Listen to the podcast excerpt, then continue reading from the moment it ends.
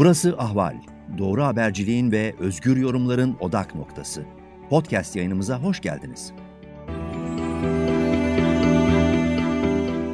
Merhaba Ahval izleyicileri, sıcak takipteyiz. Ben Dicle Baştürk. Bugün Büyük Marmara depremini konuşacağız. Beklenen Marmara depremini konuşacağız. Konuğum Türkiye'nin önde gelen deprem uzmanlarından Bilim Akademisi üyesi Profesör Doktor Naci Görür. Merhaba hocam, hoş geldiniz.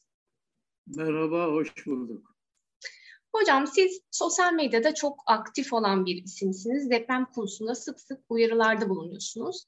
Şimdi beklenen büyük Marmara depremi için 30 yıllık bir süre öngörülüyordu ve bunun büyük bir kısmı 23 yılı geride kaldı. Ne dersiniz? Marmara bölgesi için beklenen büyük deprem artık çok yakın mı? Ne diyebiliriz bu konuda? Evet, önce şu sosyal medyayı söyleyeyim. Yani evet, evet beni e, çok takip eden arkadaşlarım var. Tahmin ediyorum 520 binin üzerinde. E, yalnız ben e, sosyal medyayı sadece ve sadece eğitim amacıyla ve insanları deprem konusunda bilgilendirmek amacıyla kullanıyorum. Bunun dışında e, yani sosyal medyadan fazla ilgilenmiyorum. Şimdi bu depremin zamanı konusuna gelince bu 99'dan hemen sonra 2000 yılında e, Parsons ve e, arkadaşlarının yaptığı ve yayınladığı bir çalışmaya göre bu zaman periyodu e, söylenildi. Zaten dünyada usul de böyledir. E, yani bir yerde deprem beklentisi ancak öngörüyle olur yani deprem kestirimi değil de tahmini evet. değil de depremin ne zaman teknolojilerinden yararlanılır. Bu GPS dediğimiz, e, e, insar dediğimiz yöntemler. Bir de eski tarihi depremler incelenir. E, ayrıca bizim paleosismoloji dediğimiz verilerden yararlanılır. Ona göre e, ve ayrıca o bölgede bir deprem olmuşsa ne kadar stresin transfer edildiği göz önüne alınır. E, ona göre de bir çalışma yapılarak e, deprem öngörülmeye çalışılır.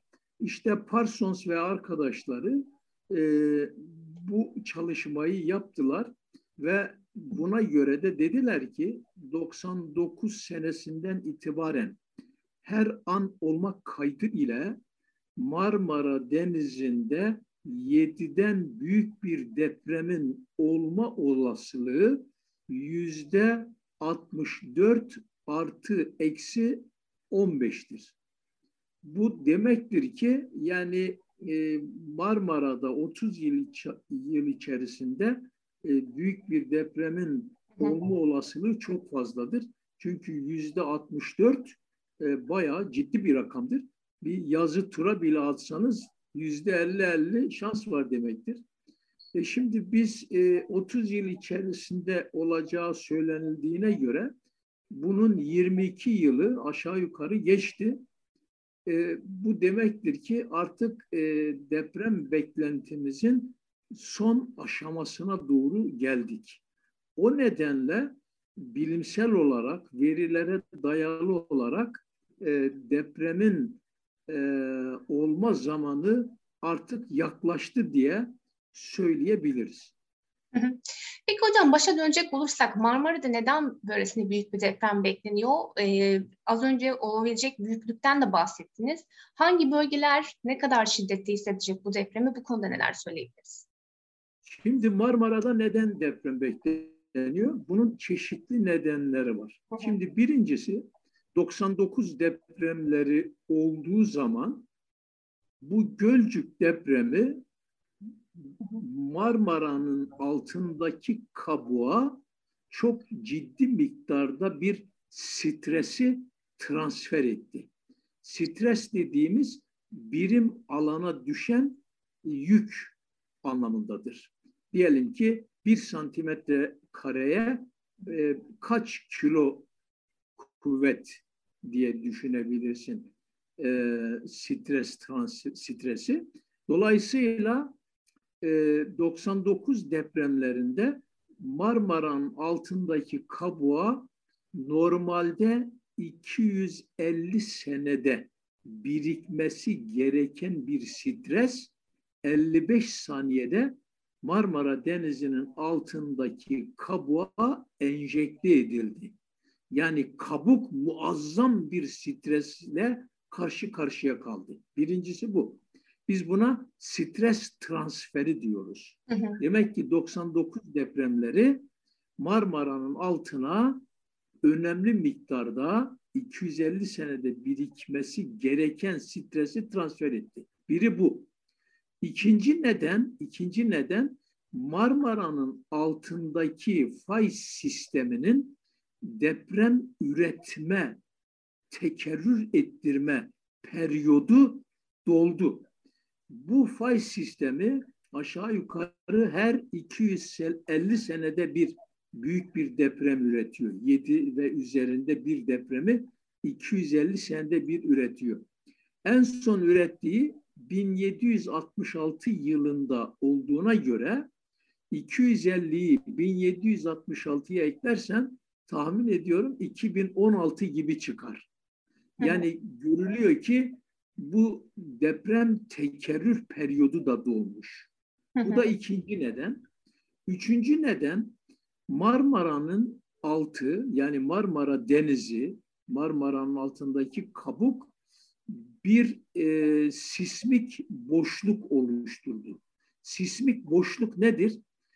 Bir yerin hem doğusunda hem batısında ve Mar e, Marmara'nın altındaki fayın konumuna göre diyorum.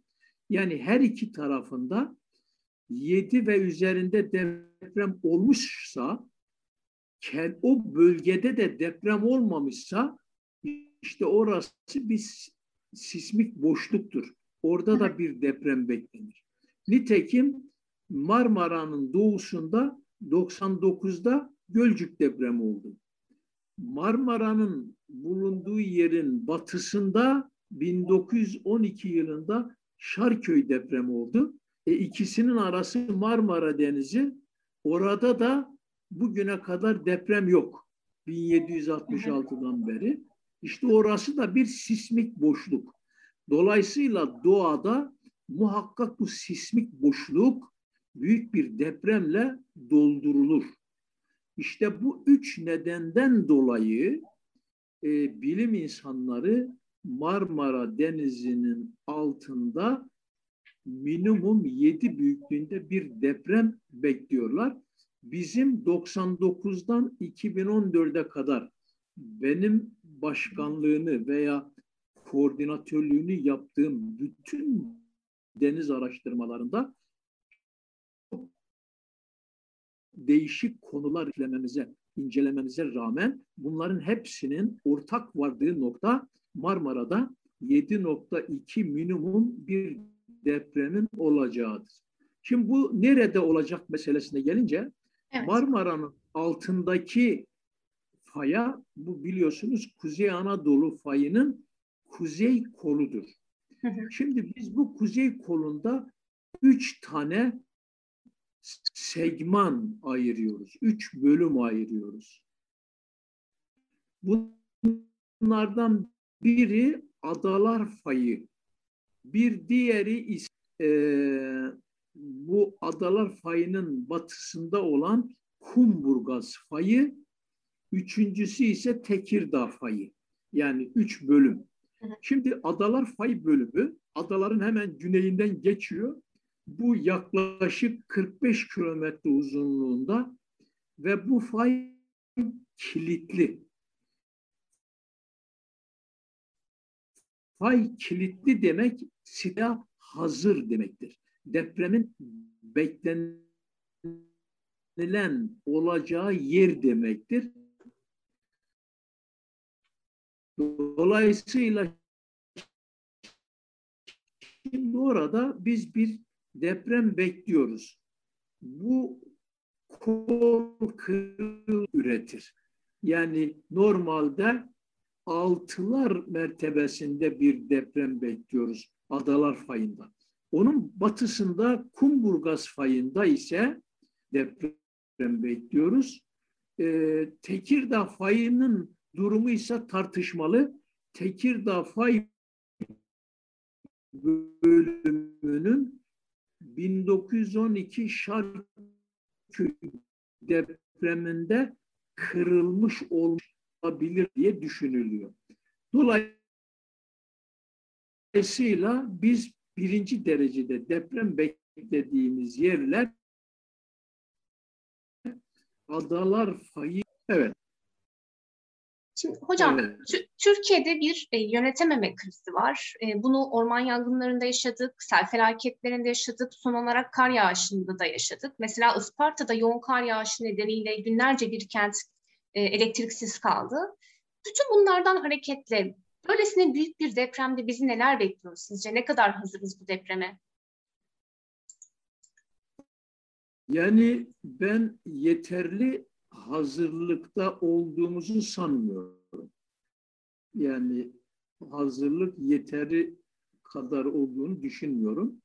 Ee, ama depreme hazırlık adına elbette ki yani çok şeyde yapıldı.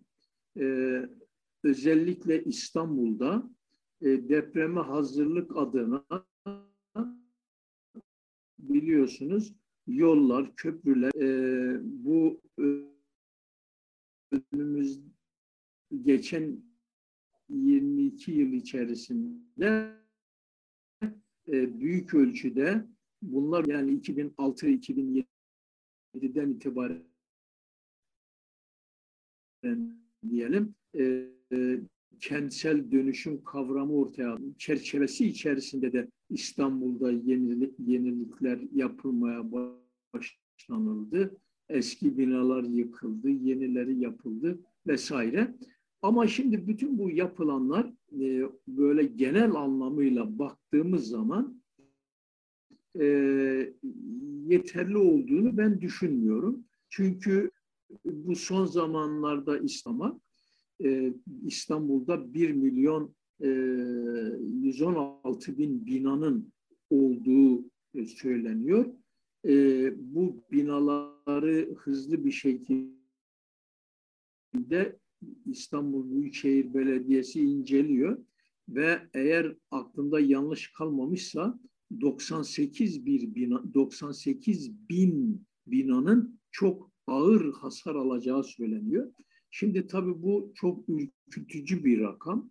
Evet. Ee, yani 98 bin bina olmasa bile bakın 1 milyon 116 bin binanın 48 bin bina değil de biz onu daha da azaltalım getirelim 20 bin binaya. Diyelim ki bu 48 bin bina çok ağır hasar alacak. Biz bunun da yarısını alalım Hatta onun da yarısını alıp 48 bin binayı 10 bine küçültelim. Diyelim ki bütün ölümlü vakaların can kaybı bu 10 bin bina içerisine sıkışır. Yani bu makul bir şeydir. Siz eğer 48 bin binanın çok ağır hasar alacağını düşünüyorsanız bunun dörtte biri içerisinde de ölümlü vakaların gerçekleşeceğini kabul etmeniz çok anormal bir kabul olmaz. Şimdi 10 bine indirdiğimiz zaman bunu 10 bin binaya her, bin, her bir binayı 4 kat düşünsek 40 bin kat yapar. Her kata iki daire koysak 80 bin daire yapar. Her daireye de 4 kişi koysak 320 bin insanın can güvenliği yok demektir. Yani 320 bir insanın can kaybıyla karşı karşıya kalabiliriz demektir. Siz o 10 bin binanın da yarısını alsanız 160 bin insandan söz ediyorsunuz demektir. Yani buradan gelmek istediğim nokta şu, bugünkü yapı stokunun incelemesiyle ortaya konulan rakam gösteriyor ki bu beklediğiniz deprem olduğu takdirde on binlerce hatta yüz binlerin üzerine çıkabilecek can kaybı olabilir. Bu işin şakası yok. Tabii öyle olunca da behemahal bizim önlem almamız gerekiyor. Şimdi e, önlemi tabii halk da almalı ama halkın alacağı önlem sınırlı. Ee, yani halkın maddi gücü kendi evlerini kontrol ettirip eğer çürükse yıkıp yeniden yapabilecek durumda değil. Böyle durumda olan insanların sayısı az. Dolayısıyla bu işte devletin gücü, devletin denetimi, e, yardımı olması gerekir. Yani devlet halkla birlikte bu e, depreme hazırlığı yapmalı demektir. Onun için de halka e, bütün finansal gücü, finansman kaynağını sağlamalı ve yardımcı olmalıdır. Ama görüyorsunuz bizim bugün tartıştığımız konular çok farklı. Biz bugün doğrudur o da çok önemli. Hayat pahalılığını vesaireyi tartışıyoruz ve daha birçok sorunlarımız var. Yani depremi pek insanların tartıştığını sanmıyorum. Yani korkuyoruz, ediyoruz diyorlar ama o kadar. Devletin de böyle 24 saat her gün İstanbul'u harıl harıl depreme nedenle diyorum ki biz hazır değiliz. İstanbul gibi yapı stokunun yüzde altmışının gece konduğu mentalitesiyle yapılmış bir kentte böyle 7.2 ve üzerindeki bir depremin vereceği hasar çok korkunç ve ürkütücü olabilir. Ee, bu bunun için e, özellikle hükümetin halkla birlikte halkı halka destek vererek ona gerekli yardımı yaparak finans kaynaklarını hizmete sunarak e, bir seferberlik havası içerisinde çalışması lazım. Ama öyle olmuyor. İşte zaman zaman bakanımız çıkıyor, ilgili bakan filan yerde kentsel dönüşüm oluyor, filan yerde kentsel dönüşüm oluyor. Ne oldu derken hocam? De, tabii bazı siteler yapılıyor. Yani bu kentsel dönüşüm yapılıyor ama ben deprem odaklı olduğunu görmüyorum. Yani daha çok rantın yüksek olduğu yerlerde yapılıyor. Ekonomik de yapılmıyor. Yani hızlı yapılmıyor. E, de, depreme hazırlık amacıyla e, yani o nitelikte bir işçilik, o nitelikte bir malzeme, o nitelikte ekonomik bir düşünceyle, o durumdaki bir tasarımla hızlı bir şekilde bunlar yürütülmüyor. Bir takım gökdelenler çıkıyor. Bağdat Caddesi'ne bakın. Kentsel dönüşüm dediler. Bağdat Caddesi'nin de dokusu bozuldu. Her tarafta onar katlı binalar çıkıldı. Binaların e, yaşam e, metrekareleri azaltıldı. Sokaklar daraltıldı e, iş tamamen bir rant amacıyla yapıldı gitti. E, öyle olmamalı tabii. Bir de kaldı ki bakın depreme hazırlık sadece kentsel dönüşümle olmaz. Bir kenti yapı stokunu deprem güvenli hale getirmek sadece bunu yapmak o kenti depreme hazırlamak de, demek değildir. Deprem sırasında alt yapı çok büyük ölçüde hasarlar görür altyapı dediğimiz zaman işte yollar, köprüler, tüneller, barajlar e, bunu düşünmek lazım. Kanalizasyon sistemi, içme su şebekesi, doğalgaz şebekesi, e, iletişim şebekeleri vesaire. Şimdi bütün bunlar depremde hasar görürse sizin hiç yıkılmamış binalarınız bile olsa yine insanları ölümden, keşmekeşten afetten koruyamazsınız. Yani sadece binayla bu iş olmaz. Altyapıyı da deprem güvenli hale getireceksiniz. Ayrıca e, çevreyi deprem güvenli hale getireceksiniz. Deprem çok büyük bir çevre felaketi olur. Milyonlarca ton e, moloz açığa çıkar. E, kanalizasyon sistemleri e, içme suyu şebekesine karışır. E, yani düşünemediğiniz ölçüde çevre kirliliği meydana gelir. Atıklar, kimyasal atıklar, zehirli, parlayıcı, patlayıcı, toksik kimyevi maddeler havaya, suya, toprağa karışır. Şimdi bütün bu çevre kirliliği depremde ölmeyen insanları da uzun sürede ölüme sürükler. Hastalıklara neden olur. Dolayısıyla çevre içinde bir önlem almamız gerekir. Bu deprem molozlarını nereye, nasıl taşıyacağınızı, nasıl bertaraf edeceğinizi şimdiden planlamış, planlamış olmanız lazım. Yani götürüp bunları denize dökmek, akarsuya dökmek veya bir yeri kazıp üzerlerini örtmekle bu işten kurtulunamaz. Yani besin zinciri vasıtasıyla bütün bu ağır metaller ve kimyasal kirlilik yine insanlara ulaşır. O nedenle demek ki deprem sadece yapı stokunu ihya etmekle olmaz. Altyapıyı, çevreyi, e, bir de ekonomi. Ekonomiyi düşünmek lazım. Çevre aynı zamanda en büyük ekonomik felaket. Yani şöyle düşünün, e, olası bir deprem Marmara bölgesinde eğer ekonominin çarklarını durdurursa, ekip ekipmanlarını uzun bir süre yerine koyamayacağınız şekilde hasar verirse e, ve ekonomik çarkların çalışması eğer senomik olarak bu bölgede Türkiye genelinde de diz çöker yani diz çöktürür. Bu ekonomik problem e, çok büyük problemlere neden olur. E, depremin verdiği hasardan da öte hasarlara, zararlara sebep olabilir. Özellikle ülkenin bağımsızlığı açısından. Dolayısıyla yani depremle mücadele böyle basite indirgenerek 3-5 ev yaparak, 3-5 yeri yıkıp 10 tane site yaparak biz depremle mücadele ediyoruz da olmaz. Yani depreme hazırlık ciddi bir iştir. Seferberlik havasında belirli plan, program dahilinde non-stop ve sürekli olarak ve deprem odaklı olarak yapılmalıdır. Ee, hiçbir zaman rantsal odaklı olmamalıdır. Hocam sizin evet. o anlattıklarınızdan yola çıkarak sanki bütün vatandaşlar olarak kaderimize terk edilmiş durumdayız gibi bir durum ortaya çıkıyor. Siz ne dersiniz?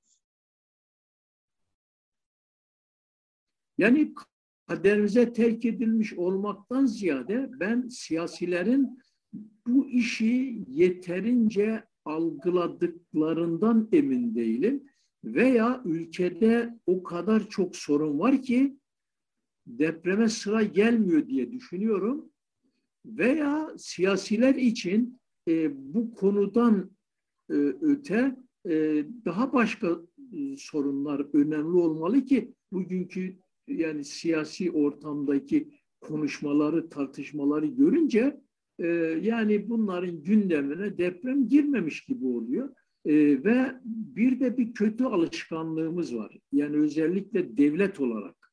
O alışkanlığımız da şu. Şimdi Türk hükümetleri deprem konusunda şöyle bir stratejiye alışmışlar. Yani deprem doğa olayıdır. Kimse bilmez. İşte olur. Ee, bir nevi kaderdir.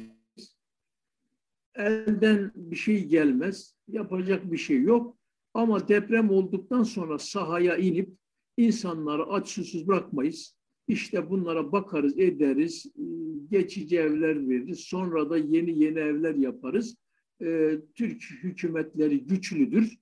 Ee, dolayısıyla e, insanımızı aç susuz bırakmayız, sefil hale getirmeyiz diye düşünüyorlar. Ama dikkat edersen bu düşüncede hele bir deprem olsun, bir görelim. Ölen ölür, kalan kalır. Ondan sonra biz yaparız. Devreye gireriz gibi bir alışkanlık var. Bu yıllardan beri böyle olmuş. Yıllardan beri. E şimdi halbuki bu çağdaş bir düşünce tarzı değil.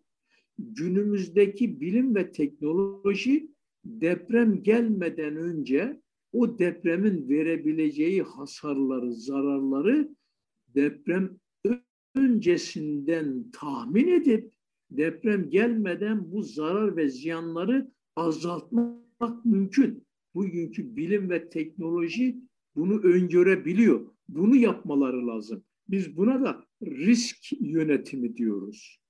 O e, bizim hükümetlerin alışkın olduğu şey afet yönetimi. Afet olduğu zaman hemen sahaya inip bakanlar koşturup bir şeyler yapıyorlar. O da güzel.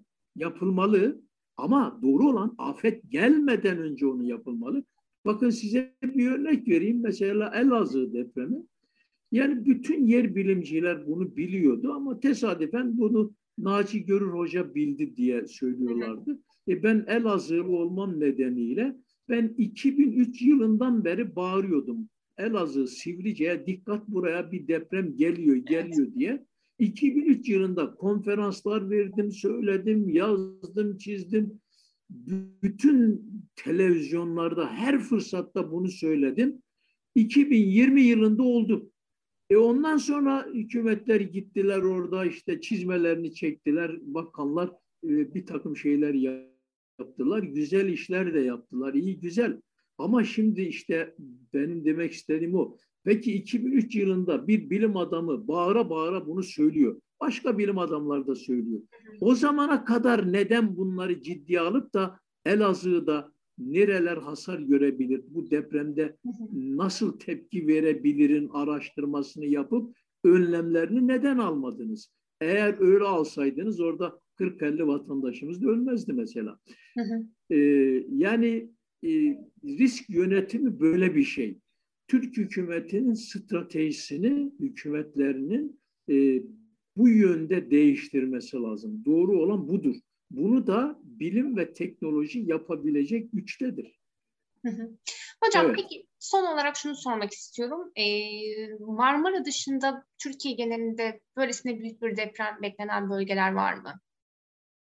Evet maalesef e, şimdi bir Marmara bölgesi e, bu Marmara bölgesi denilince daha böyle insanın aklına sanki hep İstanbul falan işte o yöreler geliyor gibi ama Mesela e, Bursa çevresi Biga Yarımadası'nın bulunduğu yerlerde bu Kuzey Anadolu fayının e, güney kolunun eduğu e, ve kimi faylarda da stres birikiminin fazla olduğu yerler var. Uzun dönemden beri deprem olmayan.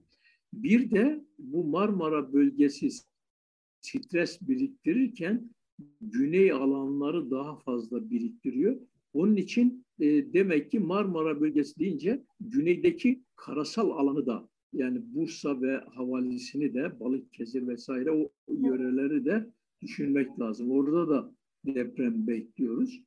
E, ikinci bir yer ise Erzincan ile Bingöl Karlova arasında yedi su fayının olduğu bölgede deprem bekliyoruz. Ayrıca Bingöl'ün hemen e, yani şöyle diyeyim Bingöl e, Karlova ile Bingöl arasında diyelim e, bir deprem bekliyoruz. Hep bunlar yedi ve üzeri, yediye yakın depremlerdir. Ee, yine deprem beklediğimiz, endişe ettiğimiz yerler Doğu Anadolu fay üzerinde. Ee, mesela bu Malatya'nın biraz batısında e, Çelikan, Erkenek, e, Kahramanmaraş, Türkoğlu yöresinde de e, endişeliyiz. Oralarda da uzun zamandan beri deprem yok. Ve bu son Elazığ depremi de özellikle o bölgeye stres transfer ettiğini düşünüyoruz. Dolayısıyla bu yörede de e, deprem bekliyoruz. E, yani Türkiye unutulmamalı. E, e, çoğu yeri aktif faylarla döşeli bir yer. Yani aktif fayların bulunduğu bir yer. Yerleşim alanlarımızın da önemli bir kısmı bu aktif fay zonlarının içerisinde veya yakınında. Bunun böyle olmasının nedeni de bu fay zonları çok bolluk, bereketli yerler. Yani nerede fay zonu varsa orada bir sefer su var. Yani yeraltı sularının zengin olduğu yerler, e, sıcak suların e, bol olduğu yerler. E, dolayısıyla yani suyun olduğu yerlerde bereket oluyor, yeşillik oluyor, hayvanlar, insanlar oralarda yerleşmişler. Tabii önce bilinçsiz olarak bunu yapmışlar ama e, dolayısıyla bizim yerleşim alanlarımız bu fay kuşakları içerisinde. E, o nedenle de bu ülkede e, deprem kaçınılmaz bir gerçek. E, depremler de durmaz. E, yani e, bu depremler ne zaman bitecek diye bazen bize yazan çizenler var iyi niyetli olarak. E, depremler bitmez. Bitmemeli zaten. Durmamalı. Çünkü dünyanın nabzıdır depremler. Yani deprem dünyamızın yaşadığını gösteriyor. Eğer depremler hiç olmasa dünya ölü bir gezegen haline gelir. Orada yaşam biter. Aynen ay, ay ayı düşünün. Ayda deprem yok ama ayda canlı da yok. Ölü. Dolayısıyla e, deprem doğa bir olaydır, doğal olaydır. Aslında afet değildir. Doğa olayıyla biz karşı karşıya kalırsak depremin olduğu yerlerde biz yerleşim alanlarımızı kurduğumuz için gerekli de önlemi almadığımız için bu doğa olayı afete dönüşüyor. Yoksa depremler bizden uzak dağ başında denizin ortasında olsa hiç bizi etkilemese hiçbirimiz depreme afet demeyiz. Ama ne zaman ki bizim yerleşim alanlarımızı bizi etkiliyor ona afet diyoruz.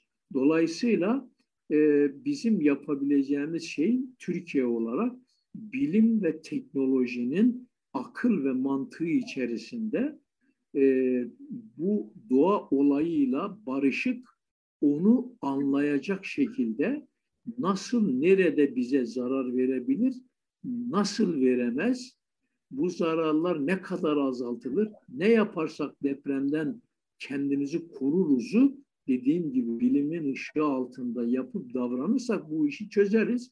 Örneğin Japonya gibi, örneğin Amerika gibi. Yani onlarda bu kadar deprem korkusunun ben olduğunu düşünmüyorum. Kaldı ki bizden daha da ciddi e, etkilendikleri halde. E, dolayısıyla yani umudum benim insanlarımızın e, biraz e, bilimsel zihniyetle bu işe yaklaşacağı ve Türk toplumunun da inşallah günün birinde bir bilgi toplumuna dönüşmesiyle biz bu problemi çözeceğiz diye düşünüyorum inşallah. Peki hocam çok teşekkür ediyorum değerli görüşleriniz için, uyarılarınız için, bilgileriniz için. Oldu peki. Hayırlı işler. Sağ olun hocam.